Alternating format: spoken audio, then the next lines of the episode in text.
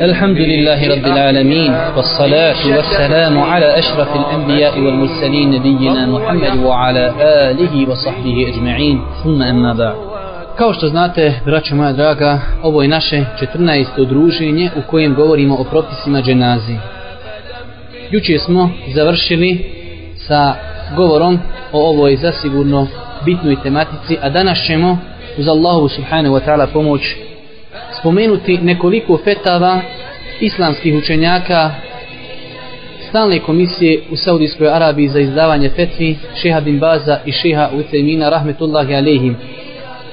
Cilj spominjanja ovih fetava može se rezimirati u nekoliko tačaka. Prvo, želim da spomenem neke stvari koje ših Albani rahmetullahi alehi nije spomenuo u svojoj knjizi. Druga stvar, nekada ćemo spomenuti neke fetve u kojima ovi učenjaci potvrđuju stavove šeha Albanija, a nekada ćemo spomenuti neke fetve u kojima oni ne podržavaju stavove koje je zauzeo šeha Albani rahmetullahi alehi. Ovo sve iz razloga kako bi znali da u pojedinim pitanjima postoje razilaženja i da znamo da u dotičnim pitanjima imamo veliki islamski učenjake koji su zastupali nešto suprotno od onoga što je zastupao Ših Albani rahmetullahi alihi. Počet ćemo sa prvim pitanjem. Na samom početku treba da znate da ova, ove petve znači nisu prevođene od riječi do riječi. Ja sam gledao da prevedem samo suštinu, znači nekada su pitanja duža, nekada su odgovori duži, ali ja sam gledao samo da ovaj uznem propis iz te petve, znači da li je stvar dozvoljena ili nije ili nešto slično tome. Tako znači da se niko ne može pozivati na fetve u smislu da je to od riječi u riječ prevođeno, već se može uzeti samo da je to propis, stav određene osobe koju citiramo. Prva stvar upitan je šeheh bin Baz rahmetullahi alihi o učenju sure Jasin kod onoga kome nastupe smrtne muke. Sjećate se da smo spomenuli da je šeheh Albani rahmetullahi alihi smatrao da hadis na tu temu nije vjerodostojan. Također vidjet ćemo da šeheh bin Baz rahmetullahi alihi koji je bio veliki muhaddis, veliki hadijski ekspert, smatrao je, znači u ovoj fetvi kada odgovara, smatrao je da taj hadis koji ukazuje da se uči sura Jasin kod osobe koje su nastupile smrtne muke, da je taj hadis i znači on je smatrao da to djelo nije propisano. Dok šejh Husaymin rahmetullahi alejhi kaže, velik broj učenjaka smatrao je tu stvar pohvalnom. Uzimali su za dokaz argumentat koji šejh Albani rahmetullahi alejhi spomenuo kao slab daif hadis. Sam šejh Husaymin rahmetullahi alejhi je smatrao da je taj hadis daif, ali je govorio da ako ljudi ako ljudi smatruju taj hadis vjerodostojnim da je njima dozvoljeno raditi po tom hadisu i podvukao jednu veoma bitnu stvar a to je da su učenjaci koji su smatrali taj hadis vjerodostojnim smatrali da se sura Jasin može učiti samo kada čovjeku nastupe smrtne muke ne nikako kada se završi ukop ili naknadno nakon njegovog ukopa. Također stalnoj komisiji šehu Usajminu rahmetullahi alihi postavljeno je pitanje o donošenju telqina nakon što se čovjek ukopa. Poznato je znači da je od sunneta da se čovjek postiče na izgovaranje šehadeta kada mu nastupi smrtni muke. Postoji znači jedna određena skupina učenjaka koji su smatrali da ovaj telqin, da se postiče medjit na izgovaranje šehadeta nakon njegovog ukopa. Pa, pa je stanoj komisiji i šehu Ustajminu postavljeno to pitanje pa su odgovorili da se telqin čini kada nastupe smrtne muke i da nema dokaza koji ukazuju na to da se telqin čini nakon što se mejit znači ukopa. Možemo rezimirati i kazati to je propisano kada čovjeku nastupe smrtne muke, a da nema vjerodostojnih argumenta koji ukazuju da se to radi nakon ukopa medjita. Šehu Usajminu rahmetullahi alihi postavljeno je pitanje da li je propisano čekanje rodbine kako bi oni prisustvovali dženazi, to jest da se odgodi ukop kako bi rodbina pristigla iz nekih daljih krajeva, pa kaže šeha Albani, eh, Husemin rahmetullahi alihi, to je suprotno sunnetu Allahu poslanika sallallahu alihi wasallame i naredbi da se požuri sa dženazom. Sjećate se tamo onog hadisa gdje kaže Boži poslanik, esri'u bil dženazeti, požurite sa dženazom. Pogledajte šta znači, braću moja draga, živjeti sa narodom i šta znači ovaj čovjek da okusi šta je davanje fetvi. Vidjeli ste kako je šeha Albani rahmetullahi alihi temeljito obradio ovu tematiku, ali je mnogo stvari na koje nije dao odgovore. Odnosno ima stvari koje on nekada direktno, neke indirektno spominjao, ali pogledajte ovo pitanje. Pitaju šeha bin Baza rahmetullahi alihi, da li onaj ko kupa medjita treba da pita o medjitu je li klanjao ili nije. Kako dobro pitanje, a i te kako bitno za naše podneblje. Čovjek kupa mejite, I kada god mu donesu Mejita, da li će pitati je li on klanjao, je li bio musliman, je li radio harame i slično tome. Pa kaže šeheh bin Baz, rahmetullahi alihi, sve dok vanština ukazuje da je musliman i oni koji su ga donijeli muslimani su, nema potrebe za tim pitanjem. Također, isti propis važi i za klanjanje dženaze. Čovjek neće pitati za čovjeka kojim se klanja dženaza da li je bio musliman. Osnova je dok su ljudi donijeli čovjeka da mu se klanja dženaza, da je taj čovjek musliman. A pogledajte, Ših bin Baz poznato je da je on davao fetve da čovjek koji ostavi samo jedan namaz iz ljenosti da je smatrao čovjeka kjafirom. Ali vidite ovdje, porv toga što je tako žestok bio u tom pitanju, ovdje nije prekoračio tu granicu. On kaže, osnova je dok čovjeka donesu muslimana da, se, da ga treba kupati, on je musliman, okupaj ga i klanjaj mu dženazu.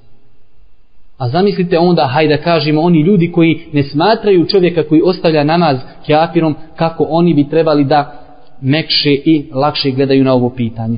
Šehu Useminu, rahmetullahi alihi, postavljeno je pitanje, slično ovo mi, samo malo žešće u smislu, kažu u pitanju, šta će raditi ona osoba koja sumnja, ima jaku sumnju da je neko, znači, činio neka djela koja izvode iz vjere, znači, Ne zna se da li je musliman preselio kao musliman. Pa kaže šehu Semin rahmetullahi alihi, obaveza je klanjati takvoj osobi, jer osnova kod čovjeka muslimana je da je ostao u vjeri. A prilikom dove će uvjetovati. Ovo je znači stav šeha Usemina rahmetullahi alihi, da čovjek kada uči dovu u dženazi za osobe za koje postoji jaka sumnja, Znači ima čovjek neke argumente, tada će uslovljavati u dovi, pa će kazati Allahumme in kane mu'minen tagfir lehu. O gospodaru, ako je bio vjernik, oprosti mu. O gospodaru, ako je bio vjernik, oprosti mu. Znači kada klanja će cijelu dženazu normalno, ali kada dođe do učenja dove, ovaj, izuzimaće.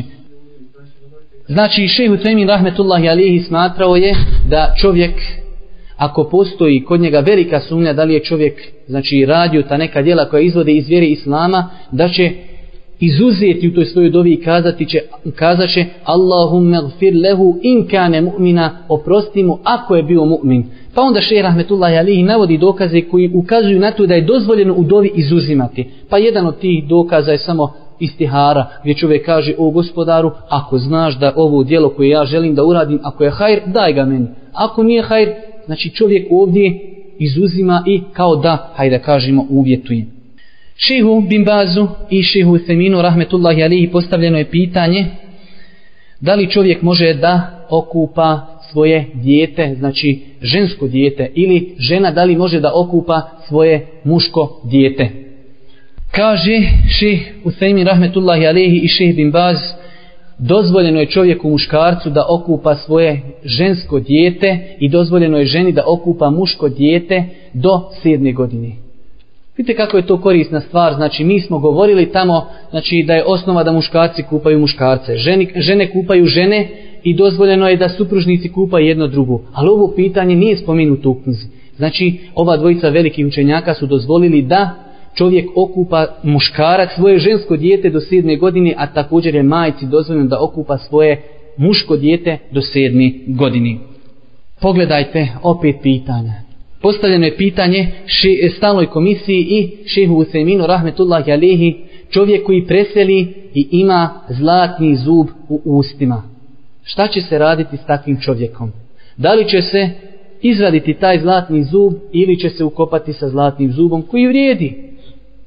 Pa kažu oni, to je, vraću moja draga, fik i to je posao i mučtehida, iako te stvari su opće poznate da se spominju u knjigama prava. Pa kažu, znači stalna komisija i šehu Semin, ako će čupanje tog zlatnog zuba dovesti do toga da se i ostali zubi ščupaju. Jer zato kada neko ima zlatni zub, poveže ga sa ostalim zubima. I ne može se pojedinačno izvući. Oni kažu, ako je takav slučaj, ne može se taj zlatni zub izvući sam. I to nosi sa sobom čupanje ostalih zuba, taj se zub ostavlja. Ili, ako je tako pričvršen zub, da će dovesti do trganja, znači desni ili neki slični stvari, onda se taj zub ostavlja, a u suprotnom ako ne nosi nikakve posljedice, onda će se taj zub izvaditi, znači prije ukopa. Također, stalnoj komisiji je postavio čovjek pitanje od čijeg novca će se plaćati potrebe dženazi. Pogledajte kako ljudi mudro odgovaraju. Kažu u stalnoj komisiji, ako misliš na potrebe dženazi, plaćanje kopanja mezara, plaćanje čefina, plaćanje nošenja medjita, plaćanje kupanja, to se kaže uzima iz novca za ostavštine medjita. A ako misliš na hranu koja se priprema da bi se dočekali oni koji dolaze nažalost, kaže to nije dozvoljeno ni iz imetka umrlog, niti iz imetka njegove porodice, već je to zabranjeno, a sunnet je da rodbina i komšilog donesu hranu ovaj porodici umrlog. Također, stalnoj komisiji je postavljeno pitanje da li bračni ugovor se prekida sa smrću jednog od supružnika. Pa smo spomenuli, sjećate se tamo da je ših Albani rahmetullahi alihi zastupao mišljenje da supružnici mogu kupati jedno drugo, znači nakon njihove smrti i da mišljenje u kojem učenjaci zastupaju da bračni ugovor se prekida e, sa smrću, da je to mišljenje slabo braćo. Da su, znači, ših Bin Baz i stalna komisija su potvrdili ovaj stav da ovaj je supružnicima dozvoljeno da kupaju jedno drugo nakon smrti. Ali pogledajte ovdje, ovo je stvar koju spomenuši, ovaj, kako se zove. Ovo je pitanje koje spomenuši Albani u svojoj knjizi. Ali pogledajte drugo pitanje koje nije spomenuto, a tako je često i može se desiti. Da li je dozvoljeno čovjeku da okupa svoju ženu koju je razveo? a ona je u periodu iddeta. Čovjek je talaknuo, razveo svoju ženu i u periodu iddeta jedno od njih preseli. Da li je čovjeku dozvoljeno da okupa tu ženu ili ženi da okupa muža? Takvo pitanje je postavljeno šehu bin Bazu, rahmetullahi alihi, pa je kazao da je dozvoljeno supružnicima da okupaju jedno drugo dok su znači, u, znači dok je žena u iddetu ako je to opozivi razvod. Šta znači opozivi prvi ili drugi? Kada čovjek ima pravo da vrati ženu još dok je u iddetu bez sklapanja novog ugovora i plaćanja mehra i ono sve što ostalo treba. Ali ako je to neopozivi treći talak, tada čovjek ne može. Također, šehu Feminu rahmetullahi alihi postavljeno je pitanje da neki ljudi kada kupaju medjita stave ruke medjita onako kako se stavljaju ruke u namazu znači tako ga zamotaju čepine pa su pitali je li to ispravno, pa kaže šejh Usaymin, rahmetullahi alihi, ispravno je da čovjek kada se kupa i kada se zamotaju četine, da se njegove ruke stavljaju normalno, znači niz njegovo tijelo na njegove bokove. Jednom čo, jedan čovjek je postavio također šejhu Feminu pitanje da li je ispravno da i hrame u kojima je obavio hađ uzme sebi za četine.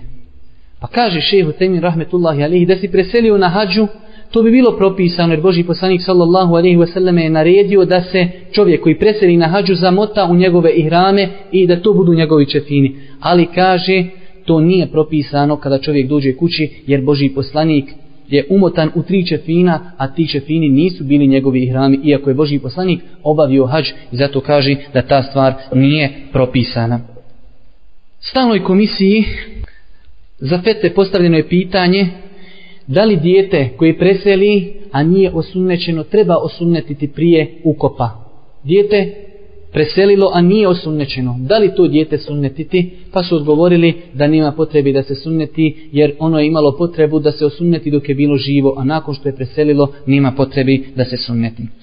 Također, stalnoj komisiji postavljeno je pitanje Da li čovjek koji preseli u namazu, čovjek klanja namaz i preseli, da li ta osoba treba da se kupa, jer ovaj oni su to gledali ti koji su postavljali pitanje, al analogno šehid, oni kažu šehid se ne kupa, pa taj čovjek koji je preselio u namazu, da li se može analogija znači koristiti tu pa da se ne kupa ta osoba, pa su odgovorili u stalnoj komisiji, mejit koji preseli u namazu će se kupati, jer nisu došli posebni argumenti koji izuzimaju određenu skupinu ljudi iz propisa kupanja osim grupe šehida.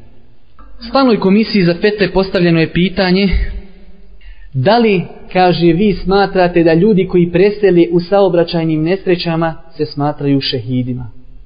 Čovjek preseli u saobraćajnoj nesreći, neko udari čovjeka, znači, jer smiješno je pitati da neko proiz, znači, bude razlogom saobraćajne nesreće bespravno, pa da taj čovjek, znači, se smatra šehidom. Već, znači, čovjek preseli u saobraćajnoj nesreći, ni kriv, ni dužan, da li se takva osoba može smatrati šehidom?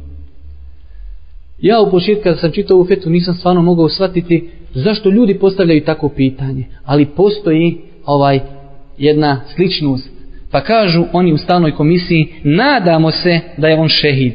Jer on sliči onome ko umre u ruševinama, a u vjerodostojnim hadisima je došlo da onaj ko preseli u ruševinama je ima nagradu šehida. To je bio odgovor stalni komisiji. Šehu bin Bazu, rahmetullahi alihi, postavljeno je pitanje je li ženama dozvoljeno da klanjaju dženazu. Žene znači da dođu i da pristuju da klanjaju dženazu, pa je šeh Limbaz Baz, rahmetullah, je odgovorio općenitim argumentima gdje stoji da je Boži poslanik preporučio klanjanje dženaze i iz tog propisa se ne izuzimaju žene, znači propisano je ženama da klanjaju dženazu. Nakon toga je šef Baz pojašnjavao da žene ne smiju da idu na mezare, da slijede dženazu, ali sam čin obavljanja namazi džena, e, dženaze namaza je propisan ženama. Pogledajte sljedećih pitanja. Kaže, pitanje postavljeno Bim Bazu, ako čovjek klanja dženazu, u istom momentu klanja dženazu za pet, džena, znači za pet medjita, petorica ljudi su preselili i odjednom im se klanja dženaza. Postavlja, oni koji su došli odma ne trebaju početi pričati. Postavljeno je pitanje, pet osoba je preselilo i klanja im se odjednom dženaza. Kaže ovaj koji postavlja pitanje, da li ta osoba koja klanja odjednom pet dženaza, da li će imat nagradu pet kirata ili će imat jedan kirat zato što je klanjao jednu dženazu. Pitanje na mjestu. Kaže Šeji bin Baz rahmetullahi alihi, nadam se da će imati nagradu koliki je broj dženaza. Znači onoliko koliko dženaza se poreda, ovaj, bez razlike što se klanja odjednom, nadate se da ta osoba ima ni toliku nagradu, znači kirata koliko je broj dženaza. Postavljeno je pitanje Bimbazu, rahmetullahi alihi, da li je dozvoljeno odputovati negdje, znači u drugo mjesto kako bi čovjek prisustvovao u dženazi. Zašto ovo? Zato što postoji onaj hadis koji smo mi spominjali, da se ne, poduzim, ne poduzimaju putovanja osim kako bi se posjetila ovaj jedna od tri ova sveta mesđida. Pa kaže Šeid Bimbaz, rahmetullahi alihi, da nema nikakve smetnje da čovjek odputuje kako bi klanjao u dženazu, jer sjećate se tamo kada smo mi govorili da se to smatra ovaj hadis ako čovjek ide da bi obišao neko mjesto vjerujući da je to mjesto svijeto i blagoslovljeno. Ali u ovom slučaju čovjek ide samo kako bi prisustvovao u dženazi, kako bi ovaj zaslužio tu nagradu koja se obećaje. Šejh Uthaymin i Šejh bin Baz su upitani gdje će čovjek stati kada klanja dženazu u smislu imam koji klanja medjitu, gdje će stati Sjećate se da smo spominjali da postoje različita mišljenja, ali oni su preferirali ono mišljenje koje je spomenuo Ših Albani rahmetullahi alihi, gdje kaže ako je mejit muško, staće kod njegove glave naspram njegove glave, a ako je žena, staće naspram kukova ili sredine tijela. Također, Ših Seminu postavljeno je pitanje za ravnanje sapova prilikom obavljanja dženaze, pošto kaže primjetno je da velik broj ljudi kada klanjaju dženazu ne paze na tu stvar. Pa kaže šehu Thaymin rahmetullahi avlihi, općenitost dokaza na tu temu ukazuju da ukazuje da safovi i da se poravnaju u svim ibadetima u kojima je propisano da ljudi stoje u safovima. Bez razlike da li se klanjao farz, na fila, da li se klanjala dženaza, da li žene klanjale u džematu, kada god je propisano redanje ljudi u safove i propisano da ti safovi budu pravi. Onda ših govori kako je to čudna stvar da ljudi su zapostavili takvu veliku stvar, on je preferirao mišljenje, znači spominje da je vađib obaveza poravnati safove. Šehu Bimbazu, stalnoj komisiji i šehu Sejminu postavljeno je pitanje dizanja ruku prilikom donošenja tekbira u dženazi pa su svi donijeli, znači dali fetvu da je od sunneta da se dižu ruke prilikom izgovora svih tekbira, znači šehu Cemin, šeh Dimbaz i stalna komisija su smatrali da je od sunneta da se ruke dižu prilikom izgovora svakog tekbira. Šehu Usemin rahmetullahi alejhi je upitan o učenju početni dovi, to smo jučer spominjali, o učenju početni dovi prije Fatihe, to je ona dova Subhaneke Allahume ve bihamdike ili nešto slično tome imaju i druge dove. Pa je odgovorio šehr Rahmetullahi Alehi, učenje te dove nije znači propisano kao što kažu islamski učenjaci, ovaj jer je dženaza namaz općenito zasnovana da se to sve završi što kraće i što prije. I zato je propisano da se uči znači Euza, Bismillah, Fatiha i da se uči sura i nakon toga znači ono što sleduje. On je spominjao argumente koji ukazuju da treba da se uči E'udha i Bismillah, ali u osnovi znači nemamo mi potrebu da to spominjamo. Također šejh Husemin i šejh Bin Baz su upitani da li je obavezno da se uči Fatiha nakon prvog tekbira, pošto smo spominjali da postoji ovaj jako razilaženje kod islamskih učenjaka po tom pitanju, pa su njih dvojica dali odgovor da je učenje Fatihe u dženazi rukn obaveza važiv, znači stroga obaveza i da namaz osobe koja to ne prouči nije ispravan. Zbog općenitosti riječi Božih poslanika, la salate li men lem jakra bi fatihatel kitab, nema namaza onome ko ne prouči fatihu u namazu. Pa kažu oni, ovo obuhvata i namaz koji se klanja znači svakodnevno, a obuhvata i dženazu, jer sama dženaza potpada pod riječ namaz, jer počinje se sa tekbirom, a završaje se sa ovaj predavanjem selama.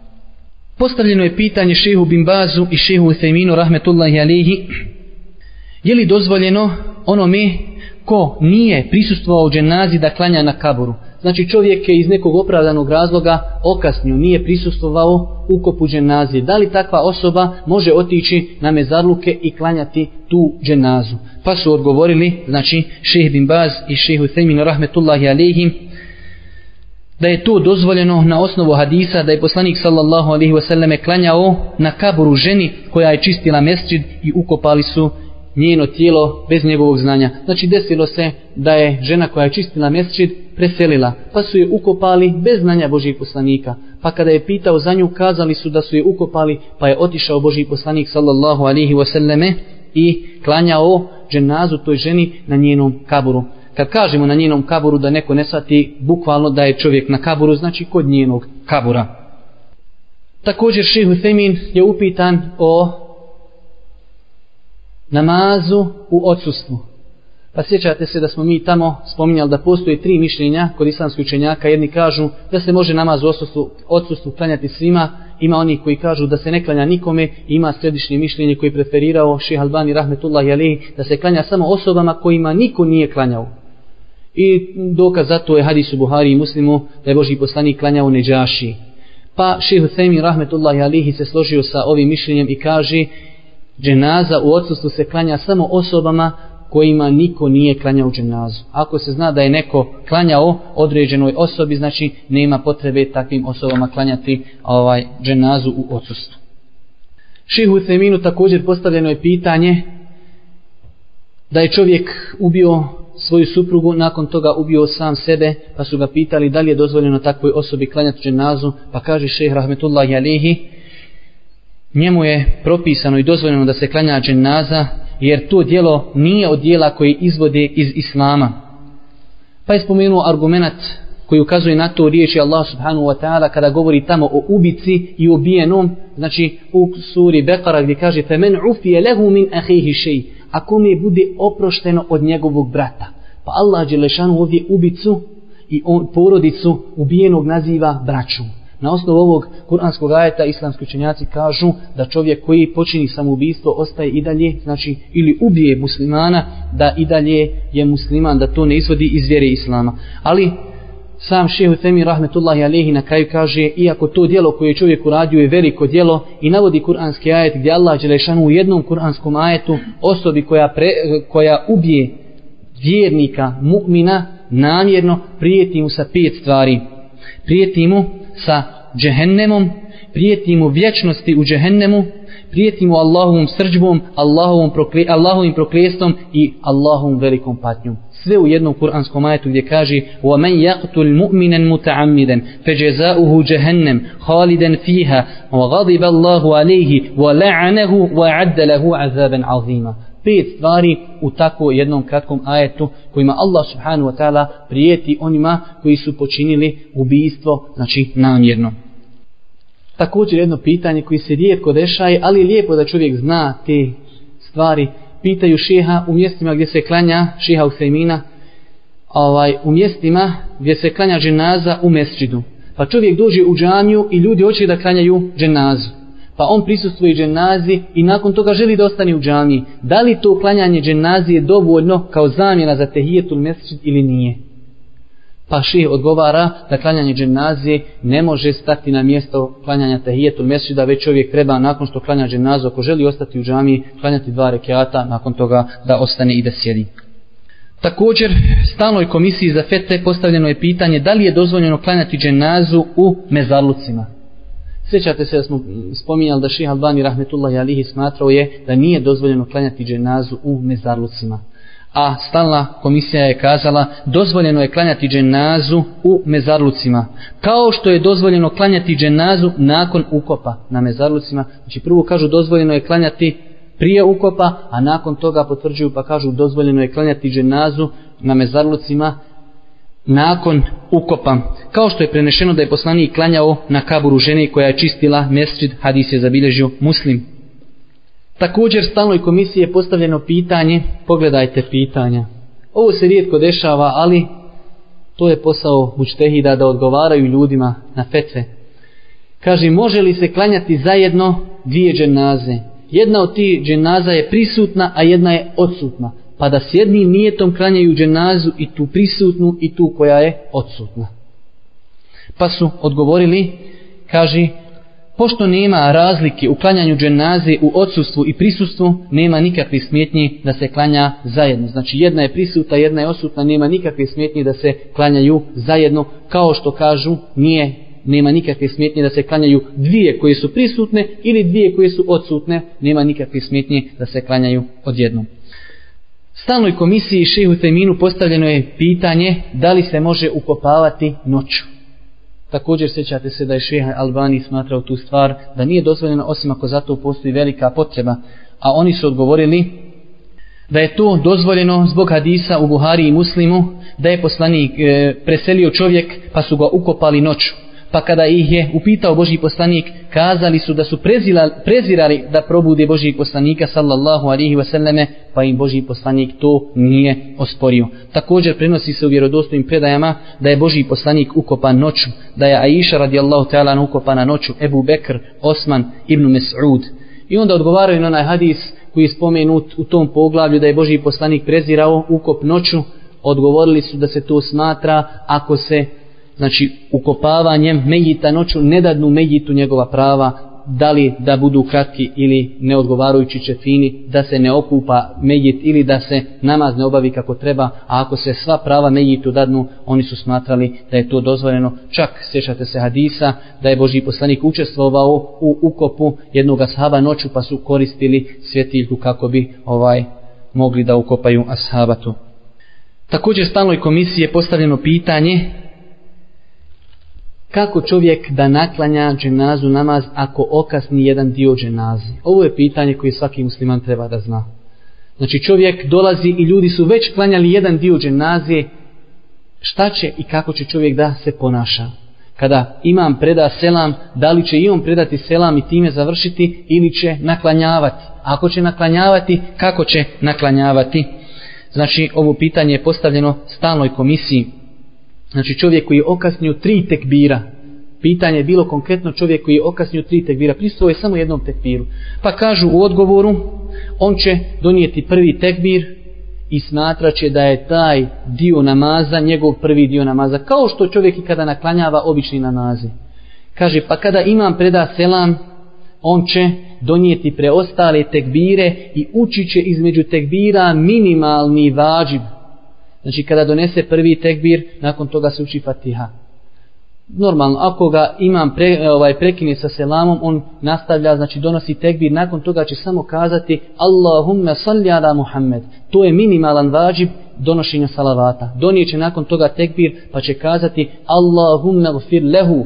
O gospodaru, oprosti mu. nakon toga će donijeti četvrti tekbir i predaće selam. Znači, čovjek će nakon selama naklanjati ono što je propustio, ali će se znači ograničiti na minimalno ono što se od njega traži od važiba, a to je znači kada je u pitanju salavat, samo će kazati Allahumma salli ala Muhammed i time je on znači donio salavat na poslanika, a što se tiče dovi, ona je također po mišljenju ovih učenjaka obaveza, kazat će samo Allahumma gfir lehu, gospodar oprostimo. I to je već ispunjena ta, znači, taj uvjet. Tako ovo je jedno pitanje, znači koje bi svaki čovjek musliman trebao da poznaje. Šehu bin Bazu, rahmetullahi alihi, postavljeno je pitanje kako će se ponašati ljudi koji nemaju cigle i čerpića da time zatvore, znači, mejita u lehd u kojeg su ga stavili. Pitanje, znači, da se može koristiti neki drugi materijal kao pećina, kamijen ili daska. Pa kaže šeh uh, bin Baz, rahmetullahi alihi, ako nema cigle ili čerpića, obaveza je koristiti kamen ili drvene daske ili nešto drugo što će zaštititi mejita, zatim će se nakon toga posuti zemlja, jer kaže to je rad sodno riječima Allah subhanahu wa ta'ala fettakullahe mestata'atum. bojte se Allaha koliko možete sodno riječima Božih poslanika i da emertukum bi emrin fe'tu bihi mestata'atum kada vam naredim neko djelo uradite onoliko koliko ste u mogućnosti. Šehu Zajminu postavljeno je pitanje kada se nosi mejit da li će mu se okrenuti naprijed glava ili će mu se naprijed okrenuti noge. Pa kaže še, rahmetullahi Alehi, ne znam da o tome postoji hadis od Božih poslanika, ali govor u Leme upućuje da će glava biti naprijed. Šehu bin Bazu i šehu Seminu postavljeno je pitanje da li je propisano i pohvalno da se prekrije kabur ženije kada se žena stavlja u kabur da li je propisano da se prekrije kabur žene kada se žena stavlja u kabur. Pa kaže šeh Husemin i šeh bin Baz da je to bolje i da su to praktikovale prve generacije. Znači da to djelo može se raditi i da je to bilo u praksi prvih generacija. Čak pogledajte, šeha Usaimina rahmetullahi alihi upitali su da li se može kada žena bude na tabutu i treba je nositi do mezarluka, da li se može na njeno tijelo staviti nešto kao neki kavez. I to su čak natrtali ljudi na fetvi i poslali mu tu fetvu da on to vidi. Nešto kao kavez preko čega će se staviti platno. Pogledajte, subhanallah, mrtva žena, ali da se ne vidi njeno tijelo.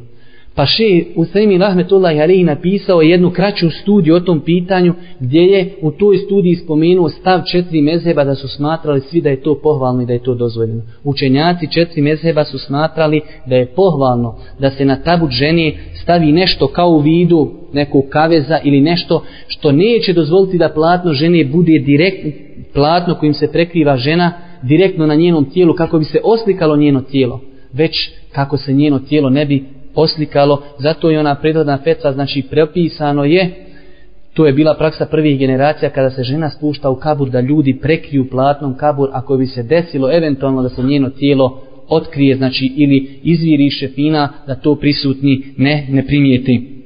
I to je prenešeno od Fatime radijallahu ta'ala da je naredila da uradi tako s njenim tabutom, da stavi nešto preko njega kako se njeno tijelo ne bi vidjelo kada bude nošeno znači na tabutu. Malo se još trpite inša Allah pa privodimo kaj. Šihu Seminu rahmetullahi alihi postavljeno je pitanje da li je propisano da se stavlja na kabur ženi dva kamena, a na kabur muškarca jedan kamen kako bi se pravila razlika između kaburova muškaraca i žena, pa je odgovorio islamski učenjaci nisu poznavali takav vid razdvajanja, iako su dozvolili da se stavi dva ili jedan kamen na kabur Medjita, ali nisu zagovarali, niti su spominjali da ima potrebe da se rastavlja na takav način. Već znači, nima smetni da čovjek stavi ili jedan kamen ili dva kamena kako bi se znalo gdje je kabur, ali da se na takav način razdvaja, to nije poznato. Kažu u pitanju koji je postavljeno šehu Seminu, u nekim zemljama se na kabur stavlja komad mramora, na kojim se ispisuje ime, prezime Megita, neki ajeti, pa šta mislite o tome? Pa kaže šehu Semin, to je munker, zlo i haram.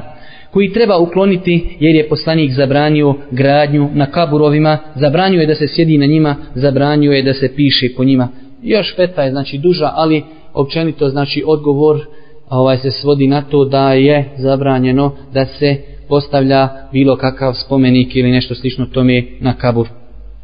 Šihu Sejmin također upitan je o tome da li je dozvoljeno hodati između kaburova u obući. Pa kaže šejh rahmetullahi alehi, hodanje u obući između kaburova je suprotno sunnetu Allahu poslanika i bolje je da insan skine obuću kada hoda između kaburova. Osim ako za to postoje opravdani razlozi kao što je prisustvo trnja, vrućina, bodljikavi kamen, tada nema smjetnje da čovjek hoda u obući. To je fetva šeha Ucajmina rahmetullahi alihi. Također postavljeno je šehu Ucajminu pitanje da li je propisano učenje Kur'ana na mezaru nakon ukopa. Pa je odgovorio šeh rahmetullahi alihi ispravno mišljenje je da je učenje Kur'ana nakon ukopa novotarija.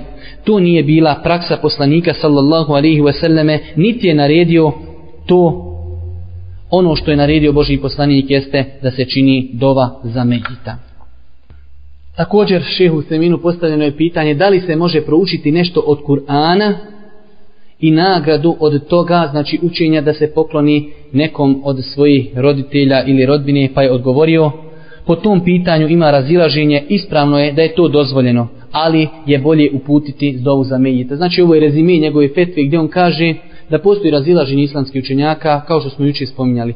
On je lično smatrao da je to dozvoljeno i to je stav šeha, Mm, šehul Islama ibn Tejmije i ibn Qajima, ali oni svi kažu, iako je ta stvar dozvoljena, to nije bilo od praksi prvih generacija, a najbolja praksa je znači ono što je radio Boži poslanik što su radile prve generacije. Zato čovjek treba da se uči i da radi one stvari koje preporučuje Boži poslanik a to je učenje dove za medjita stalnoj komisiji za fece postavljeno je pitanje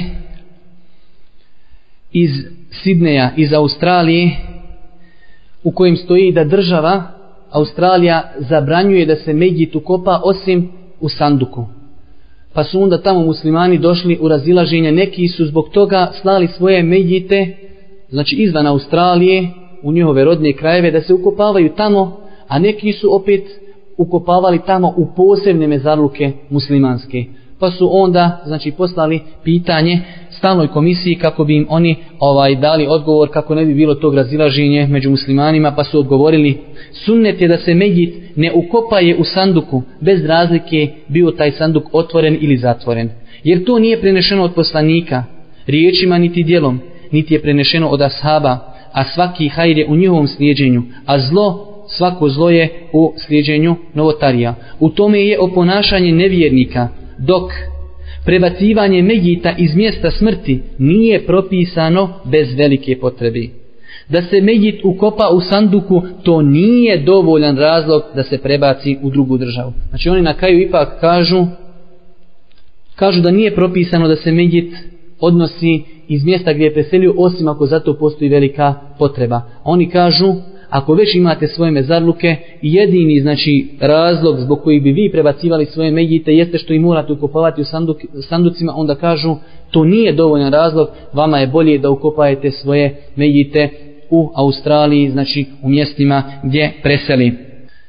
I zadnja stvar, kratka feta, znači je li dozvoljeno posjetiti kabur nevjernika, pitanje postavljeno Bimbazu, odgovorio je da je dozvoljeno posta, e, posjetiti mezarluke nevjernika s ciljem da čovjek uzme pouku iz toga, a ne da znači upućuje dovu za njih, niti da se selami sa njima.